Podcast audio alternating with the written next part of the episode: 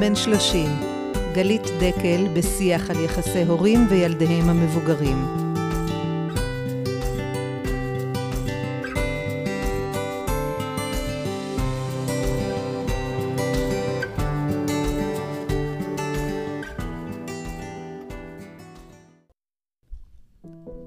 ואני מגלה בתוכי היציאה של ילדיי מן הבית, העצמאות שלהם בתהליכי הבנייה והיצירה במרחבי חייהם החדשים, מעוררים בי הרבה נחת, גאווה והערכה, אבל גם געגוע, תחושת חסר ועלבון. כן, עלבון. וגם אני תוהה מניין צצה לה תחושת העלבון, וכיצד השתרבבה למנעד הרגשות שלי אל ילדיי. ולא זאת בלבד, אלא שפעמים רבות היא מן הסוג הזה שסוחב על גבו גם תיק גדול ובו פנקס חשבונות.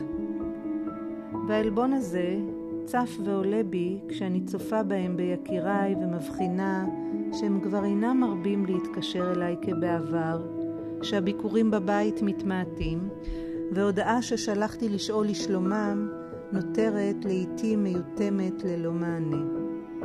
והנה מסתבר לי שאחד מהם היה חולה בשבוע שעבר, או עבר או התמודד עם משהו רציני וצלח או נכשל, ואני לא ידעתי. ואני מבינה שזאת לא החוצפה שמנהלת אותם, ובכל זאת מתברר לי שהנה הודחתי ממעגל היועצים הקרוב שלהם, ושאת השבתות הם מעדיפים לבלות עם חברים בדירה הרעועה ההיא שהם קוראים לה בית, ובעצם להבין כי חלק לא מבוטל מעולמם נסתר מעיניי. ואני מתגעגעת למקומי כהורה היודע כל, ההורה הנדרש, הנצרך, מתגעגעת למקום ההוא שבמשך שנים נתן לי משמעות ותחושת ערך. וכל אלה פוגשים אותי בתקופה ובגיל שממילא השאלות על גיל ומשמעות עולות בי ומערערות את הביטחון שלי ביכולותיי, בכוחותיי, כמו גם מחשבות של האם השיא כבר מאחוריי. ומסתבר שעל המצע הזה מגיעה שעתו היפה של העלבון ללבלב ולשגשג.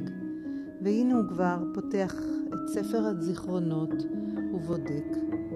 האם הם מתקשרים רק כשהם צריכים? מתי לאחרונה נראו בקרבת הבית? כמה והאם בכלל הם משקיעים בקשר בינינו? בכמה אירועים משפחתיים הם השתתפו השנה ובכמה חגיגות של הצד השני הם היו?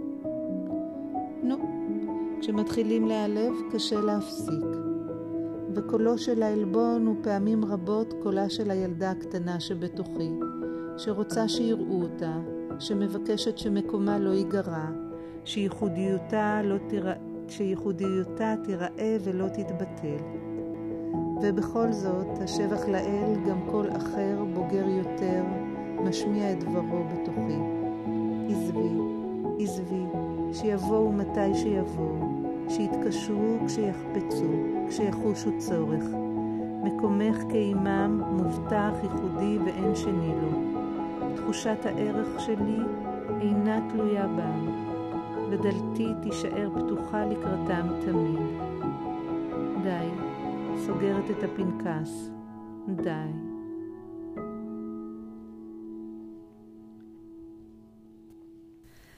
שלום וברוכים הבאים לפודקאסט הילד בן שלושים, כאן גלית דקל, יוצרת תוכן, מנחת הורים ומלווה בקליניקה הורים וילדיהם המבוגרים. בטרם נפנה לפרק עצמו, אשמח שאם מצאתם עניין או ערך בנושא ובפרק, שתפו אותו עם אחרים ודרגו אותו. היום בחרתי לארח את עליזה חושן, מרצה לפסיכולוגיה חברתית באוניברסיטת רייכמן, ושותפה למיזם המקסים תנאים של חיבה, יחד עם דפנה ברקת, שעוסק גם הוא ביחסים של הורים וילדיהם המבוגרים. עליזה היא גם בעלת קליניקה ברעננה. שלום עליזה, אני מאוד מאוד שמחה לארח אותך כאן אצלי בהושעיה. שמחה שנעתרת לבקשתי להרחיק מהמרכז ולהגיע עד לפה. כן, נפלא, הנוף פה פשוט מהמם. אוקיי, okay, אני אשמח uh, שתציגי ככה את עצמך, uh, כן. מה שאת רואה לנכון, וגם תספרי לנו עוד על המיזם הזה, תנאים של חיבה. כן, אוקיי. אז uh, אני באמת באה מתחום הפסיכולוגיה החברתית דווקא, uh, ו, ומתעסקת גם קצת בפסיכולוגיה ארגונית, זה גם מה שאני uh, מלמדת באוניברסיטת רייכמן, אבל לפני כחמש שנים אני uh, ודפנה ברקת, שהיא פסיכולוגית קלינית, נפגשנו. וניסינו לחשוב באיזה תחום uh, אנחנו רוצות לקחת את הידע המצטבר של שנים של אני בתחום של ייעוץ, ודפנה בתחום של טיפול, uh, לאזור שאנחנו מרגישות שהוא uh, עדיין זקוק לידע, לתפיסות, לתמיכה. וגם חשבנו על עצמנו, והבנו שאנחנו עומדות לפני השלב שבו הילדים שלנו מתחילים לעבור לשלב הבוגר של החיים. אה, ככה עוברים את אה, שנות ה-20, אה, והבנו שזה פרק חיים מאתגר מאוד. גם כשהסתכלנו על היחסים עם ההורים המבוגרים שלנו, שאלנו את עצמנו כל מיני שאלות. האם אנחנו מצליחות שם להשלים את המעגל, לנהל את השיח האותנטי, ככה שמתבקש בין הורים וילדים, לדבר על הכל, אה, באמת אה, להיות שם בהבנה הדדית, באמפתיה הדדית, בנתינה טובה. אז גם כשהסתכלנו למעלה, וגם כשהבנו שאנחנו צפויות בעצמנו לחוות את החוויה מן הצד השני, ושהאתגרים הם רבים. אה, ואז התחלנו תהליך של שיח ככה עמוק ומשמעותי מאוד, שנמשך שנה, שלמעשה, זה ככה נסענו, אני נסעתי ליעד, איפה שדפנה גרה בצפון, ודפנה הייתה מגיעה אליי לרעננה, ופשוט שעות ארוכות וממושכות דיברנו על הסיפור הזה של אה, אה, יחסים בין הורים וילדים לאורך כל החיים, ובדגש מיוחד על מה קורה בשלב המבוגר של הקשר הזה. אה, וכתוצאה מכל השיח הזה פיתחנו מודל שנתנו לו את השם תנאים של חיבה. כן. אה, אולי את יודעת, תנאים של חיבה היה סרט. אה, שבאמת אה, אה, עסק בשלב הזה של החיים, אבל אנחנו ממש נמשכנו אל השם. גם בגלל שהרבה פעמים להורות ביחסים אהבה ללא תנאי, וככה כל מיני מיתוסים גדולים כאלה. וחשבנו שקורה משהו, משהו באיכות הרגשית של היחסים משתנה. הרבה פעמים יש הרגשה שמה שהתחיל באהבה מאוד גדולה, מגיע לאיזה שלב של ניכור או זרות, אה, עם הרבה יותר רגשות קונפליקטואליים ואמביוולנטיים ממה שחווינו בעבר, ואמרנו אולי המודל שלנו יצליח להחזיר אה, או להזין את הקשר ביותר חיבה. אה, אז זה ככה פחות כן. או יותר. אוקיי, okay, אז מה אתם עושות בעצם במיזם הזה? אז למעשה אנחנו פוגשים בקבוצות הורים, אה, שהילדים שלהם בני 25 ומעלה. הייתי אומרת שרוב המשתתפים בקבוצות הורים, הילדים שלהם באזור, בבני 30 ו-40. אנחנו פוגשות ילדים, נורא מעניין באיזה שלב. אנחנו פוגשות ילדים בשלב שההורים שלהם אה, מתחילים להפגין ירידה קוגניטיבית, אה, תפקודית, ואז הם מאוד מאוד זקוקים לתמיכה. אה, וכדי להבין את האתגרים שלהם, אנחנו מתבוננים ביחסים הרגשיים בינם לבין ההורים שלהם, לכל אורך הדרך. אז בעצם הקבוצות הן לא רק קבוצות הורים, אלא גם קבוצות לילדים המבוגרים? ממש, כן. אה, וכמובן, אה, כתוצאה, ואנחנו נותנים הרצאות, הרבה מאוד הרצאות, הן עוסקות בסוגיות שמעסיקות הורים בשלב הזה של החיים. אז הרצאות וקבוצות. אה, וכמובן אנשים מגיעים לייעוצים פרטניים, לפעמים לבד, רק ההורים לבד, לפעמים הילדים לבד, זה נורא מעניין, אה, ולפעמים אה, עבודה משותפת. מנסים לתת מענה לאנשים שזקוקים לכך. כן. אין ספק שהשטח צמא לקבוצות כאלו, והצורך עולה בשנים האחרונות וניכר. הייתי אומרת צמא ומבוהל. צמא ומבוהל, למה מבוהל? אני חושבת שיש גם איזו חוויה של, יש איזשהו שינוי דורי, אה, שנורא מבהיל את ההורים, זאת אומרת, אותה רמה של מחויבות. אה, שהייתה פעם אה, ממוקדת במשפחה, הולכת ונחלשת. אה, מופיעה תופעה חדשה של נתקים, ככה הפסקה של תקשורת חד צדדית של ילדים את היחסים. זה יותר ויותר רווח ממה שזה היה בעבר. באמת. כן. אז טוב, לפעמים אני... ההרגשה היא כן. של צמאים, אבל כן. גם, גם יש שם איזה מקום קצת מבוהל ומפוחד.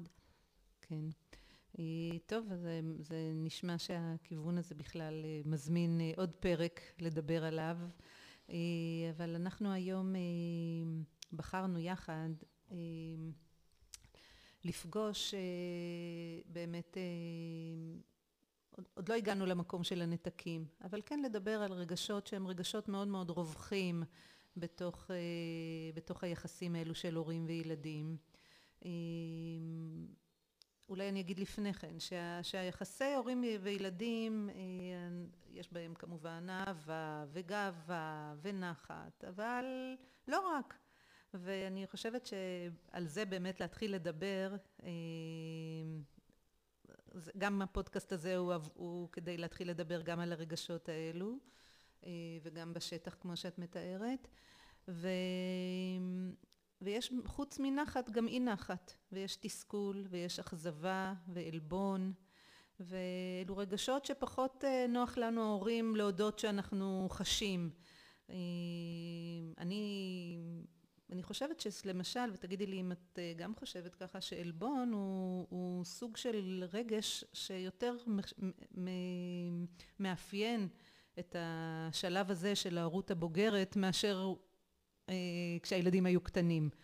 אכזבה ותסכול יכול היה להיות גם, גם אז, אבל עלבון יש משהו ברגש הזה שהוא אה, מאפיין את השלב הזה. תראי, קודם כל אני אגיד שהוא פשוט שינה פוזיציה. בראשית החיים ילדים נעלבים בלי סוף מההורים שלהם. Mm-hmm. הם נעלבים מכל טון ומכל גערה ומכל אה, אה, אה, יחס אולי לאח אחר יותר מאשר להם, ומאמירות כאלה ואחרות שלנו. אז ילדים קטנים כל הזמן בוכים ונורא נורא נעלבים מההורים שלהם. והנה אנחנו מוצאים שבקשר הזה בהדרגה יש איזה תהליך של היפוך. ובהיפוך הזה, פתאום ההורים פוגשים את אותם רגשות, הם הרגשות האלה של התלות ושל האסימטריה. אה, ומאחר ובראשית החיים ההורה הוא בעמדה קצת יותר חזקה, אז הוא פחות מרגיש את העלבון. אחר כך הוא הולך ומרגיש שהעמדה שלו הולכת וככה מצטמצמת, ולכן רגש העלבון יותר נודד אליו.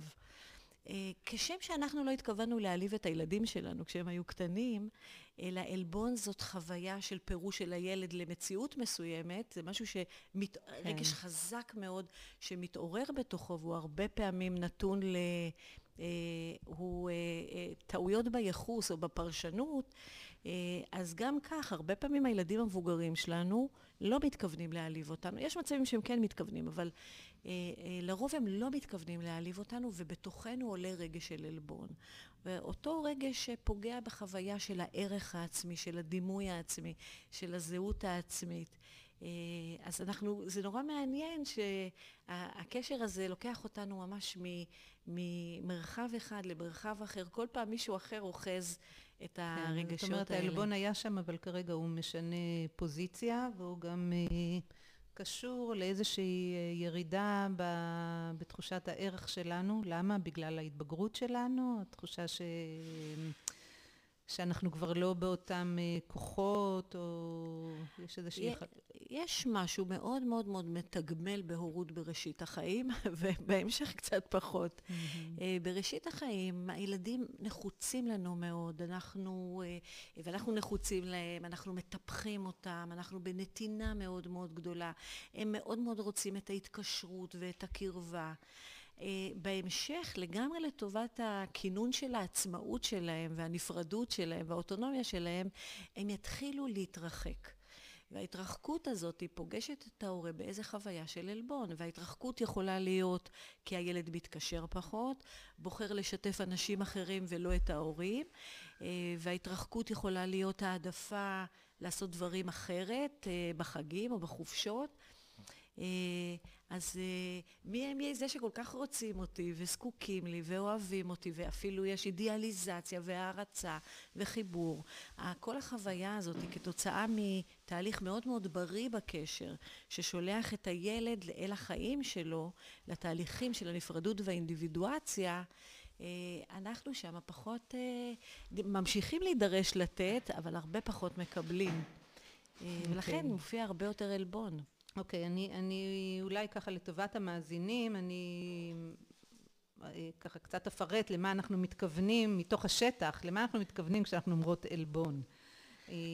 כיוון שאנחנו באמת קצת אחרי פסח וזה מין תקופה כזאת של חגים אז אני ככה מליקוט קצר כאן בשכונה אצל השכנות והחברות שמעתי כאלו קולות של הבן שלי ואשתו בחרו גם השנה לחגוג את הפסח יחד עם המשפחה שלה.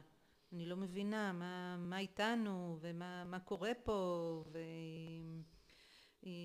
או הבת שלי הואילה בטובה להגיע לסדר אבל בכל החודש שלפני היא פשוט מסננת אותי היא לא עונה לי או אם היא מתקשרת איתי זה רק בהודעות קצרות ורק כשהיא צריכה משהו וזה נורא נורא אני יכולתי לשמוע ממי שסיפרה לי את העלבון את התחושה הזאת או מישהי כאן שכנה שסיפרה על הבת ובעלה שהגיעו עם תינוק חדש וכל ההתרגשות שיש סביב זה אבל בקושי נתנו לי להחזיק אותו. וגם כשהחזקתי אותו אז הם לא הפסיקו להעיר לי. כאילו אני לא גידלתי חמישה ילדים ו... כן נכון הרבה מאוד סוגים של עלבונות. כן אני חושבת ש... שוב אני אומרת הרגש של העלבון זה משהו שעולה בי וכי הילד לא אולי נותן מענה לצרכים שלי, להרגיש שייכת, שגם לי חשוב להרגיש שיש לי מקום ורואים אותי וצריכים אותי ורוצים להיות חלק מהמשפחה.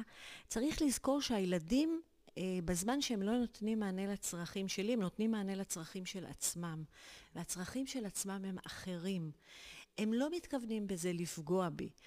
מה שזה מבקש זה שהורים יל, יל, ילמדו את עצמם לבטא בצורה יותר בהירה ונינוחה את הצרכים שלהם.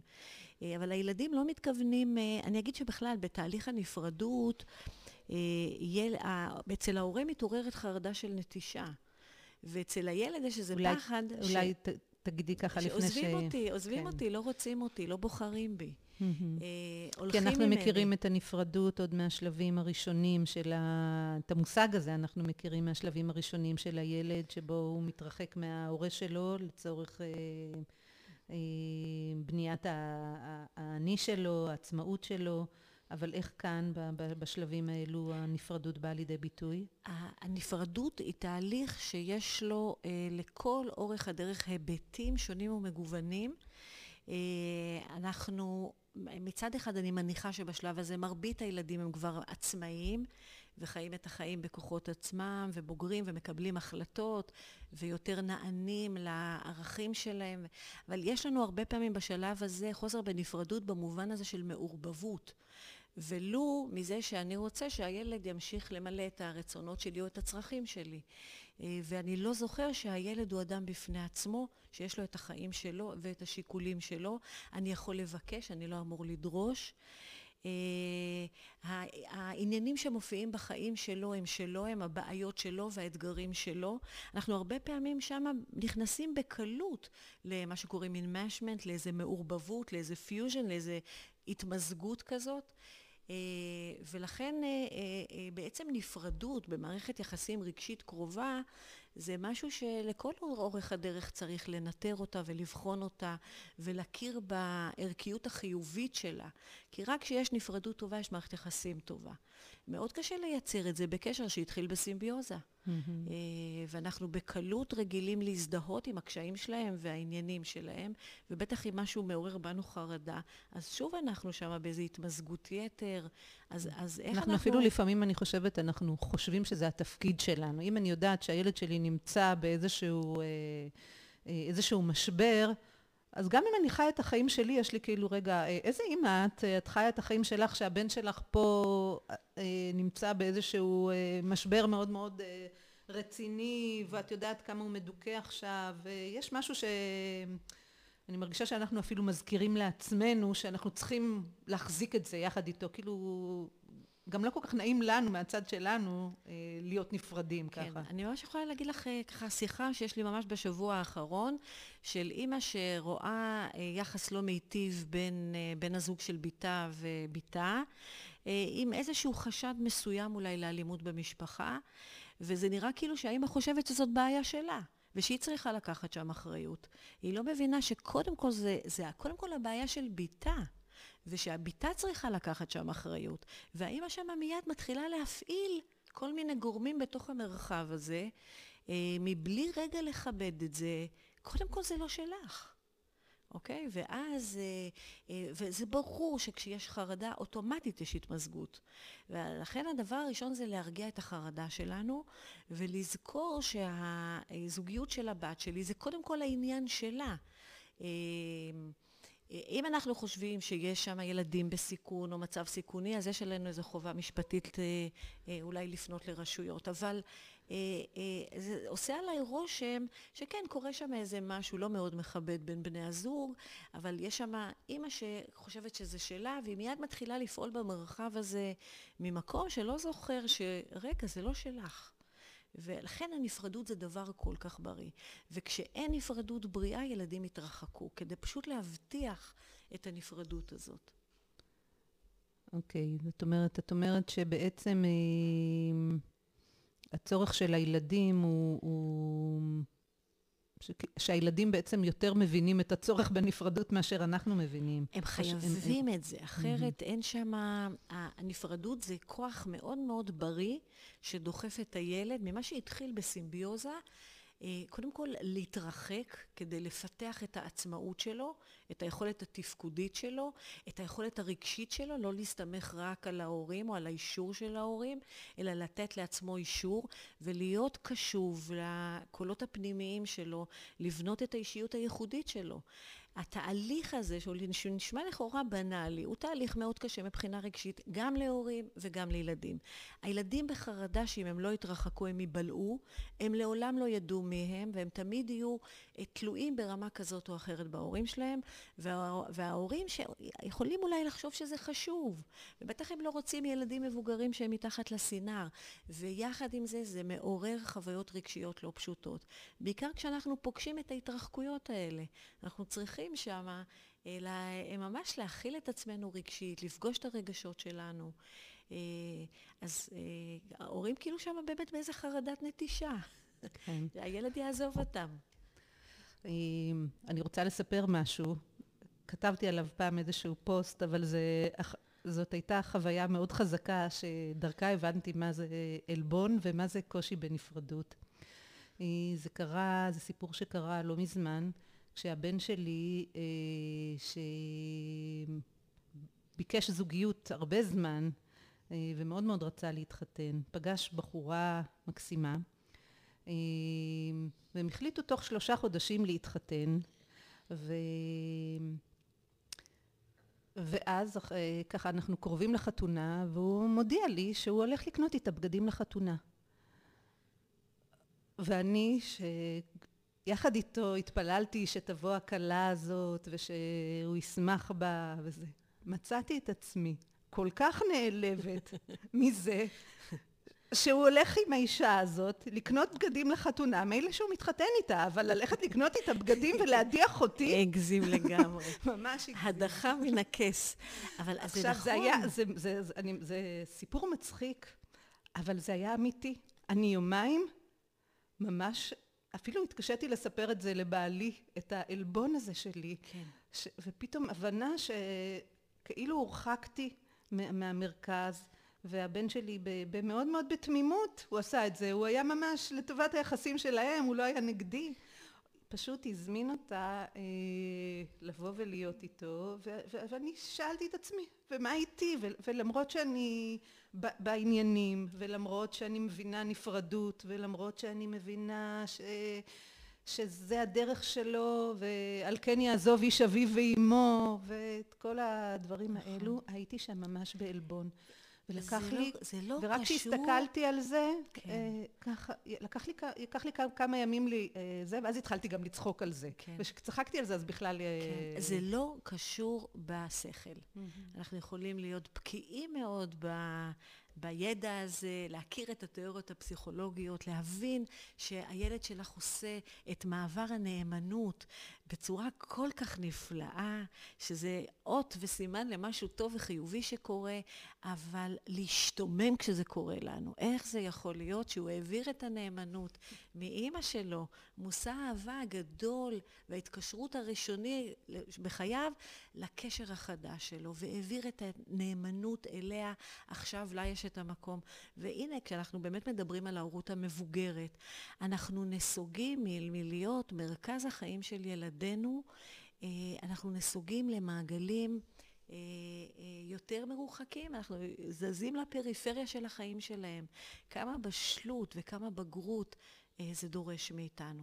ובתוך התהליך הזה, כדי להבטיח אותו, יהיה לסירוגין תהליכים של התקרבות והתרחקות, ואנחנו נצטרך ללמוד להכיל את זה. Mm-hmm. אבל ברור שזה מעורר רגשות, כן. וזה לא קשור, זה לא, זה לא רציונלי, זה, וזה לא קשור אם אנחנו מבינים או יודעים או אפילו מעריכים את התהליך הזה כתהליך נכון וחיובי. זה מעורר רגשות מאוד מאוד חזקים. תגידי עוד משהו על הגלים האלו של ההתרחקות וההתקרבות.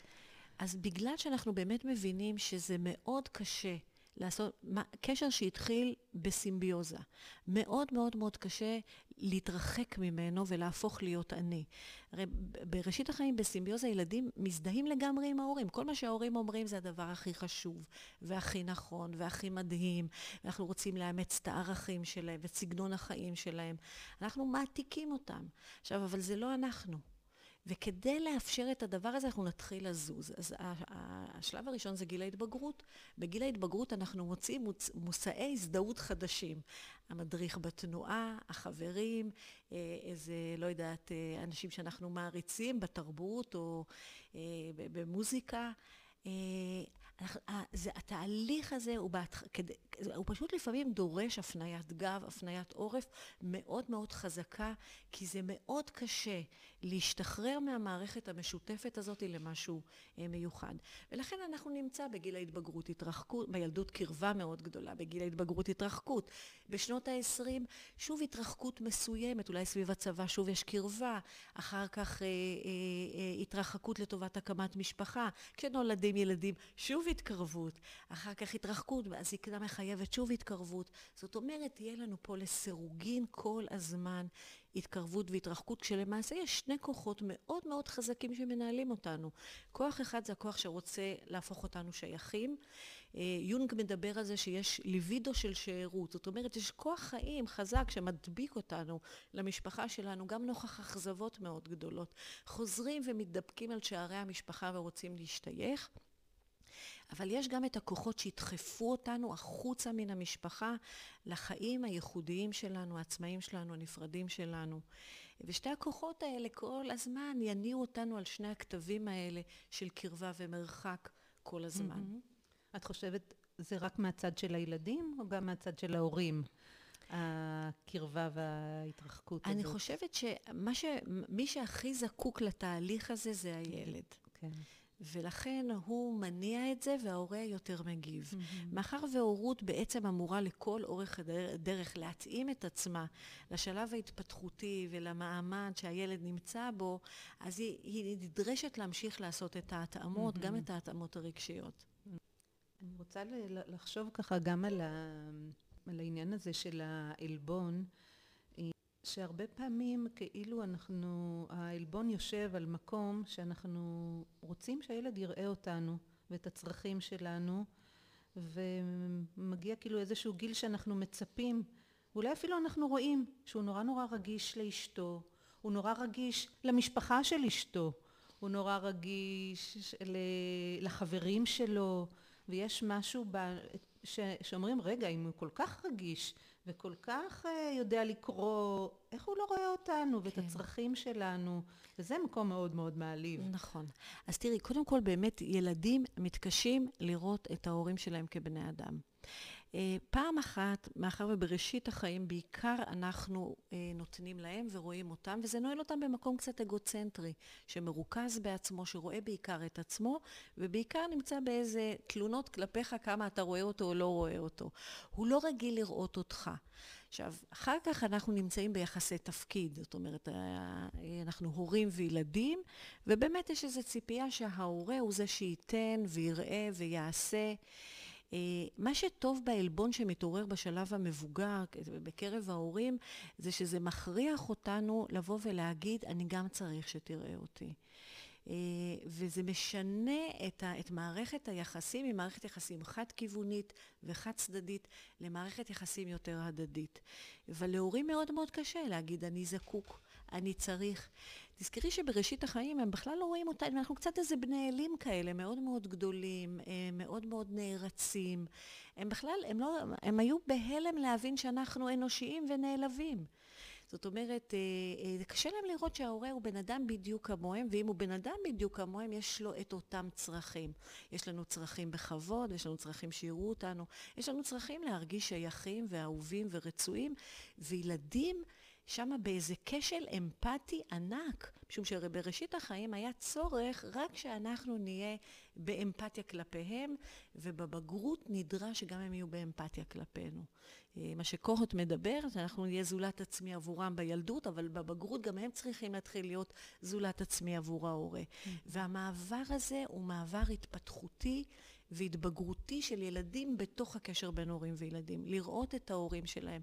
אלא שקשה להם לעשות את זה לבד, וההורה צריך להעיז להראות את עצמו, ולהנכיח את כן. הצרכים שלו. אבל איך, איך עושים את זה בלי להישמע קורבניים, בלי להישמע מאשימים? אה, בלי להישמע אה, באיזושהי דרישה שרק תגמור, תגרום לאיזשהו נתק או התרחקות שאנחנו כל כך חוששים ממנה. כן. אז אה, אני חושבת שבכלל הורים מפחדים להראות את עצמם כי הם מרגישים שכאילו, אגב זה נורא מעניין, הם אמורים לספק אהבה שאינה תלויה בדבר, כן? לא משנה, בכל, תחת כל התנאים ובכל המגבלות, תחת כל צורות ההתנהגות של ילדים, אבל כאילו בעצם ילדים זה אהבה תלויה בדבר. אם אתה ההורה, תמשיך לא להראות את עצמך, לא לבקש כלום ורק לתת, אז אני אהיה חלק כן. מהקשר. אז זאת איזושהי הנחה מאוד מאוד בעייתית. אה, אה, ולא להבין שהילדים זקוקים להתקשרות להוריהם, אלה שהולידו אותם. זאת אומרת, אה, זאת המורשת שלנו, זאת ההיסטוריה שלנו. המשפחה היא מערכת שהיא מאוד מאוד חשובה לרווחה הנפשית שלנו. אז זה כאילו לשכוח את זה שהם פה מבחירה והם רוצים, ועכשיו, ואז יש לנו מערכת יחסים. שמערכת היחסים תגדל לשלב הבא, היא צריכה להיות כבר שני מבוגרים שמדברים אחד עם השני. שני מבוגרים, עכשיו שוב, אה, אנחנו מדברים אחד עם השני ממקום לא מאשים ולא תוקף, אלא רק שכל אחד מאיר את עצמו, מראה מה הוא זקוק, מראה את הרגשות שלו. אבל להורים, כמה זה קשה להורה להגיד נעלבתי? כן. אה, כי, כי נעלבתי זה של ילדים, אבל אני, אני, אני המבוגר, כן. לא, זה של בני אדם. כן, והאמת היא שאני שומעת בכלל מהורים על הקושי בכלל לנהל שיחה. כאילו זה שיחה של... אה, שיחה בין שווים, או מתקרבת לשווים בינם לבין הילדים שלהם. הם היו רגילים שהשיחה תמיד אה, נסובה סביב עניינים של אה, צרכים של הילדים, מה הילדים עושים, מה הילדים, אה, מה עובר עליהם, ופתאום לעשות שיחה שבה הם מדברים על, ה, על החיים שלהם, על מי הם, על הפחדים, על ה... פשוט להפנות מבט גם אליהם. זה לא רק הקושי של הילדים, זה הרבה פעמים קושי לא פחות גדול של, ה, של ההורים עצמם נכון. לעשות את השינוי הזה. אני, אני חושבת, אני מוצאת שלשני הצדדים קשה לדבר. Mm-hmm. גם להורים קשה לדבר עם ילדים וגם לילדים יש קושי לדבר עם הורים. יש איזו מניעה פנימית מאוד מאוד חזקה. הפחד של ילדים לפגוע בהורים, להעליב אותם, לאכזב אותם. אה, להגיד להם משהו שהם אחר כך ירגישו עם זה רע, הם ירגישו אשמה. ומנגד להורים מאוד מאוד קשה להראות את עצמם, הם רגילים, מה, ככה, כל השנים שבהם נוצרה התבנית של היחסים, הם אמורים לראות את הילד, הם אמורים להגיב לילד, הם, זה לא אמור להיות אה, דו צדדי. אה, אז המעבר הזה מקשר חד-סטרי לקשר דו-סטרי הוא מאתגר. כדאי שהוא ייבנה בשלבים, ושהיכולת שלנו להראות את עצמנו כבני אדם תופיע כבר בצורה מדורגת בהורות הצעירה. אבל בהורות המבוגרת זה כבר מתבקש. אחרת זה באמת הולך למקומות אה, אה, אה, לא טובים. ואם אנחנו מדברים על זה שחלק מהבשלות והבגרות של ילד זה לראות את ההורה שלו כאדם ולהגיב אליו כאדם ולהכיל את האנושיות של, להכיל את האנושיות של ההורה. אה, זה חלק מההתבגרות של ילדים. אה, אז אנחנו רוצים כן לאפשר את התהליכים האלה. אה, אבל את צודקת, הרבה פעמים אני מרגישה שמישהי יכולה לשבת אצלי חצי שנה בייעוץ, והיחסים עם הבת שלה לא עובדים טוב. והיא, ושוב ושוב אנחנו מדברות על האפשרות שהיא תראה יותר את עצמה ביחסים. היא תזמין את הבת שלה יותר לדבר על מה קורה שם ביחסים, ויש שם קושי מאוד מאוד מאוד גדול לתת לעצמה רשות לעשות את זה. כמעט איזה פחד כזה, שאם אני אגיד, אז הבת אה, אה, תכעס שמה פתאום אני שמה את עצמי במרכז, כאילו אה, אני מפרה את החוזה בינינו, אה, מה פתאום יש לי עניינים וצרכים, כשהיא בחיים מתמודדת בשלב עתיר התמודדויות וקשיים.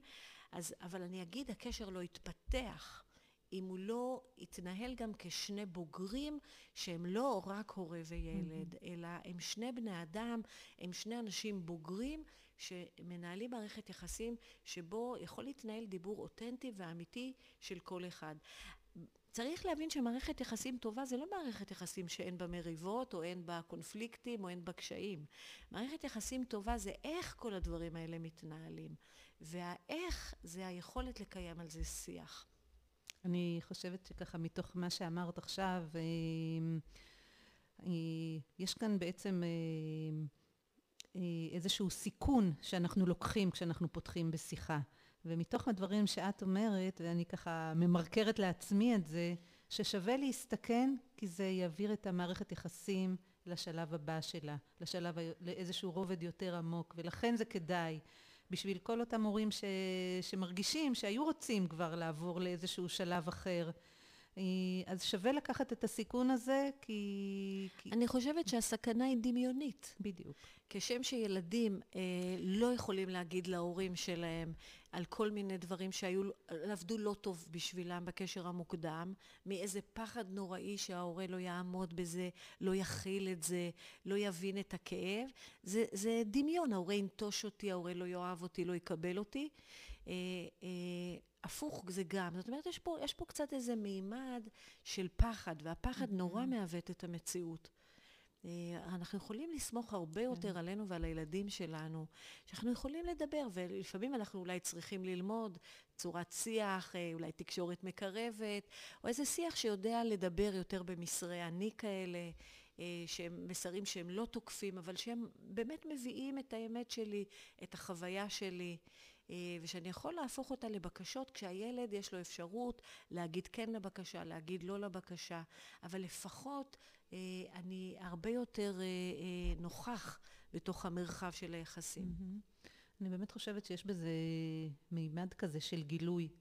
כאשר מסתכנים בכאילו, ומעיזים, ומביאים, ומצליחים להגיד את הדברים באמת לא, ב... לא בביקורת, לא באשמה, אלא לדבר על הצרכים שלנו ועל מה, מה אנחנו זקוקים לו. אה, וכשעושים ניסיונות כאלו עוד פעם ועוד פעם ופתאום מגלים שהצד השני גם הוא בעצם כבר התבגר, גם הוא כבר גדל, גם הוא עבר דברים וגם הוא יכול לשמוע דברים אחרת ממה שאולי שניסינו לפני כמה שנים וזה לא הלך ואנחנו מחזיקים את זה ופתאום מגלים שגם הילד שלנו גדל ואז יש שם איזשהו גילוי שיכול להיות מאוד מאוד משמח ו... ושוב להביא אותנו לרמה אה, טובה יותר אה, ביחסים. כן, אני חושבת שזה פשוט הכרח התפתחותי. אה, שהורה יוכל להגיד, אני זקוק, אני צריך, אני רוצה, ולהראות את האנושיות mm-hmm. שלו. שהיא קצת מוכחשת בעיניים של ילדים, ויכול להיות שילדים גם לא רוצים. הם רוצים הורים בפוזיציה הראשונה. הם לא רוצים הורים שהם שותפים ליחסים שוויוניים והדדיים, אבל זה לטובת ההתפתחות של הקשר. ולכן, גם אם הילד יעדוף את זה פעם, פעמיים, שלוש, אם ההורה יהיה שם נחוש להביא את עצמו, ולא ייבהל מזה שהילד יגיד לו, מה אתה שם את עצמך במרכז? מה אתה כזה חשוב? למה אתה לא מבין שאני בעצמי עכשיו מתמודד עם כל מיני דברים? אה, ו, ובכל זאת לחזור ולהעיר את עצמנו, ו, וכל הזמן להבין גם שיש שם ילד שאתה רוצה לראות אותו. אתה רוצה לראות אותו ואתה מבקש שהוא גם יראה אותך. אני חושבת שזה ממש מסמן את ההתפתחות בתוך היחסים. כן. אה, אם אני לוקחת בחשבון שגם אה, הורים שיש להם ילדים קצת יותר צעירים שומעים אותנו, אז אני מרגישה צורך ככה להגיד שהמיומנות הזאת, לתת לילדים שלנו לראות אותנו, היא מיומנות ש... שאנחנו מתחילים לפתח ב... ביחסים ככה טובים, כבר כשהילדים צעירים. אבל גם אם לא עשינו את זה קודם, וגם אם זה לא היה חלק מהשפה בבית ובמשפחה, כן.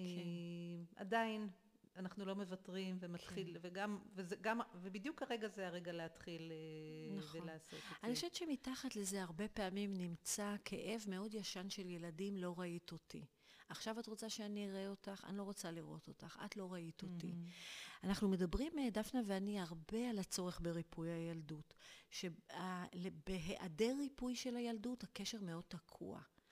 אה, כי השלב הזה שבו אנחנו מבקשים מהילד לראות את ההורה, הרבה פעמים יכול לעורר התנגדות מתוך אותה חוויה שההורה לא ראה אותי, ההורה לא עשה לי מקום, ההורה לא היה קשוב לצרכים שלי, לא התעניין עד הסוף ברגשות שלי ובחוויה שלי, והוא עכשיו דורש את זה ממני. אני לא רוצה לתת לו.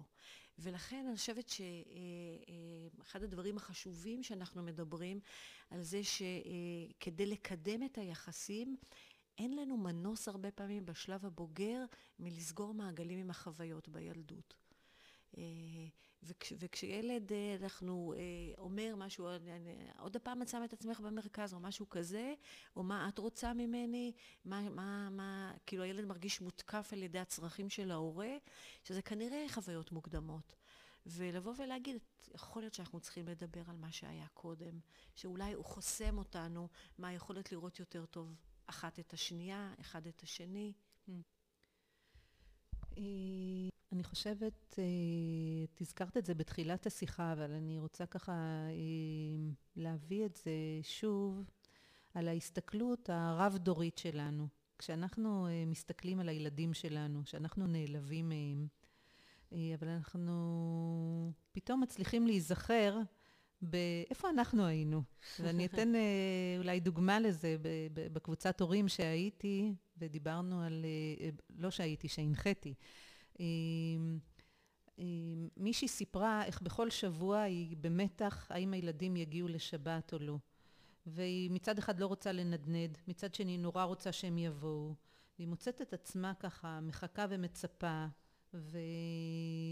והילדים אפילו לא חושבים. להגיד, או אם הם פתאום, יכול להיות שזה יהיה ברגע האחרון שהם יגידו לה, הנה אנחנו באים, או, או בכלל לא יבואו כמה זמן, והיא ככה מצד אחד לא רוצה לנדנד, אבל מאוד מאוד מחכה.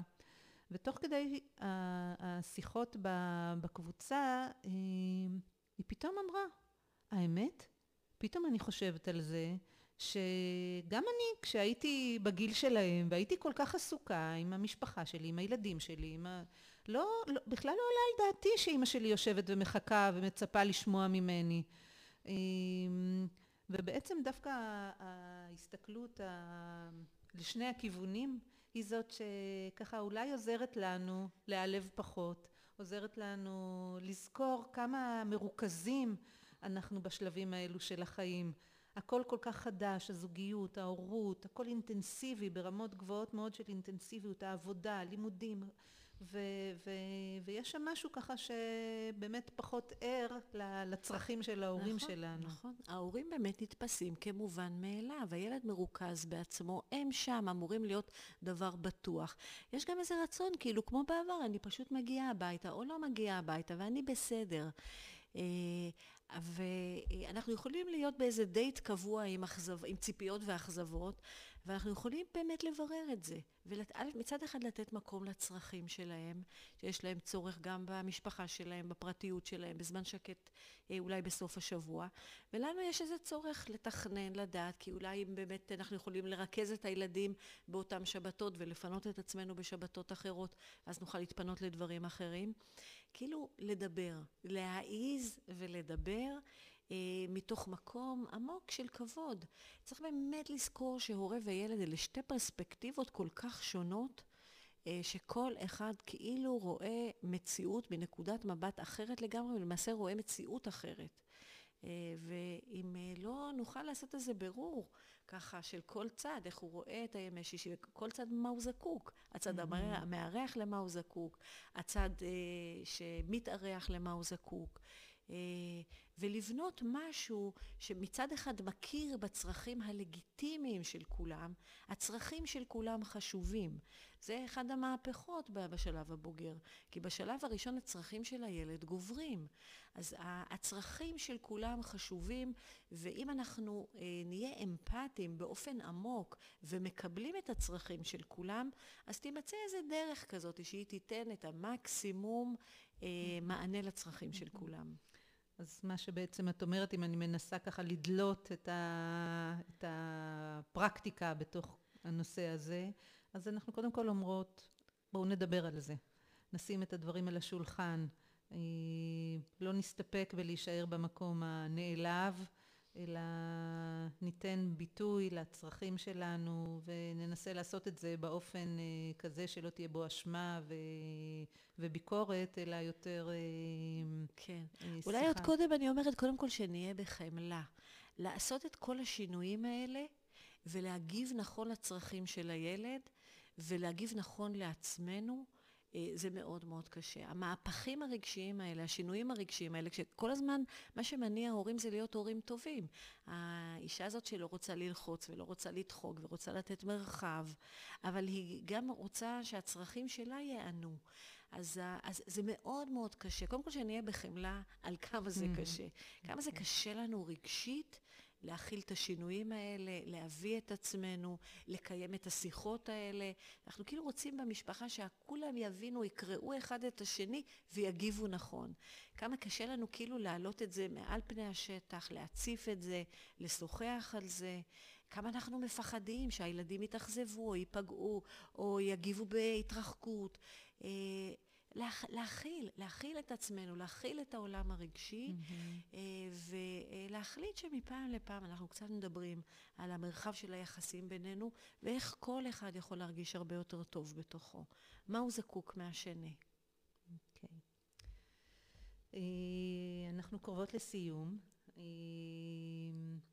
אם יש עוד איזה משהו שהיית ככה אומרת שכדאי שניתן לו מקום, אה, שחשוב אה, שנסתכל עליו. אה, תראה, אני, אני באמת חושבת שהאתגרים הם ענקיים, ואנחנו מתקשים להחזיק את התהליכים האלה לבד. ולכן אני חושבת שאנחנו צריכים למצוא, הקבוצה, זה כל כך ברור לנו בהורות הצעירה, שיש לנו מה ללמוד, ושאנחנו זקוקים לקבוצות תמיכה. אה, אז אה, אני חושבת שההורים צריכים להבין שלכל אורך הדרך האתגרים הם גדולים. פעם לא, כשהייתי ילדה לא הבנתי למה אומרים ילדים קטנים צרות קטנות, ילדים גדולים צרות גדולות. אה, אבל כי, פשוט כי המרחב הוא הרבה יותר מורכב לתפעול. אז אני חושבת שזה כדאי שהורים גם הולכים ומתפתחים יותר מענים בשטח. אה, ולהיות במקום שעוזר לי להחזיק את הגדילה הזאת בתוך ההורות, mm-hmm. להחזיק תהליכים יותר נכונים ויותר מיטיבים, כי קשה לי לעשות את זה לבד. אה, וקשה לי לפרוץ כל מיני אה, מניעות פנימיות כאלה וחסמים פנימיים כאלה על המשך התפתחות הקשר. לסמוך עליי ועל הילדים שלי שאנחנו יכולים לנהל שיח של מערך בוגרים יותר טוב אחד עם השני. טוב, עליזה, אני, אני יכולה להגיד לך שהתחושה שאני יוצאת איתה, היא, היא קודם כל באמת בחמלה עלינו. ממש, לגמרי. ועל המורכבות שלנו, ממש. המורכבות של, של, של ההורות שלנו. אני חושבת שביטאת כאן אה, בפגישה אה, באמת כל מיני תהליכים שלא ידעתי לתת להם שם, אבל ככה ממש אה, יכולתי להזדהות ולראות אה, איך הם חיים ב, בחיים שלי ובחיים של החברות וה, והשכנים והמשתתפים בקבוצות שלי. אה, ו... כן, האוניברסליות הזאת, באמת אנחנו פוגשים אותה בקבוצות מאוד טוב, זה כולם כן. שם באותה סירה. כן, כן. אמ, ובאמת, אני מצטרפת להזמנה שלך לתמיכה, לשיחות, להבין שזה באמת באמת מורכב, אה, אבל אנחנו גם אה, מחזיקות את האופטימיות ואת התקווה ואת זה שזה שווה. שכשהיחסים עולים שלב, כשהיחסים מתפתחים ולא נשארים תקועים, בדיוק כן. כמו בשלבים קודמים של ההורות, כן. אה, יש בזה כן. הרבה הרבה רווח ו- ו- כן. וטוב למשפחה ולכולם. כן, לגמרי. טוב, תודה רבה. תודה שהזמנת אותי. בשמחה.